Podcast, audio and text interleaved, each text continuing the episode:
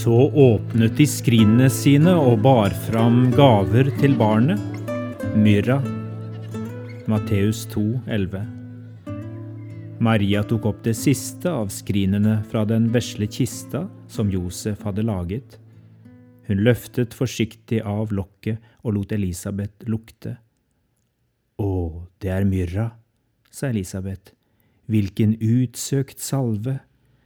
Først gull for kongsmakt, så røkelse for prestens offer, og nå myrra.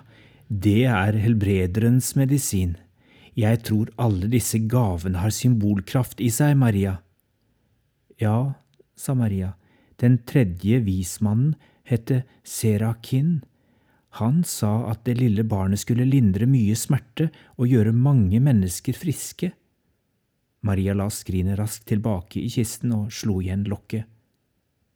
Sa Serakin noe mer? spurte Elisabeth forsiktig. Maria sukket. Ja, han så alvorlig på meg og sa, salven skal du ta godt vare på for barnet ditt, for det kommer en dag da det vil være Jesus som trenger salve for sine sår. Elisabeth nikket. Alle venter på en mektig frigjører som skal sette seg på tronen i all sin velde, en som skal tilbes og æres. De glemmer at han først skal være et offerlam som lider for vår skyld. Hvor har du dette fra? sa Maria.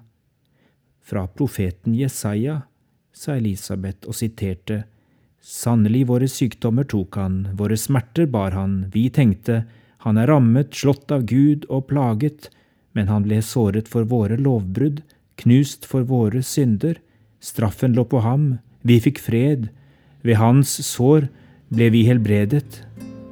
Maria brast i gråt, det kan ikke være min Jesus. Elisabeth sa ingenting, bare satte seg tett inntil Maria og holdt godt rundt henne.